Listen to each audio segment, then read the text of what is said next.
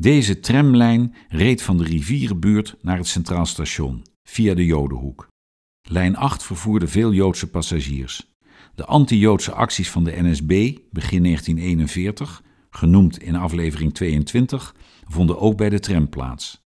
In de Weesperstraat, toen nog een smalle straat door de oude Joodse buurt, gebruikte een conducteur van lijn 8 een keer zijn wisselijzer om NSB'ers die Joden molesteerden van de tram te slaan. Op 9 juli 1942 werd de lijn opgeheven, na het verbod aan de Joden om per tram, of welk vervoermiddel dan ook, te reizen. Toch stapten er in 1942-1943 nog Joden op de tram, onder dwang en vaak s'nachts.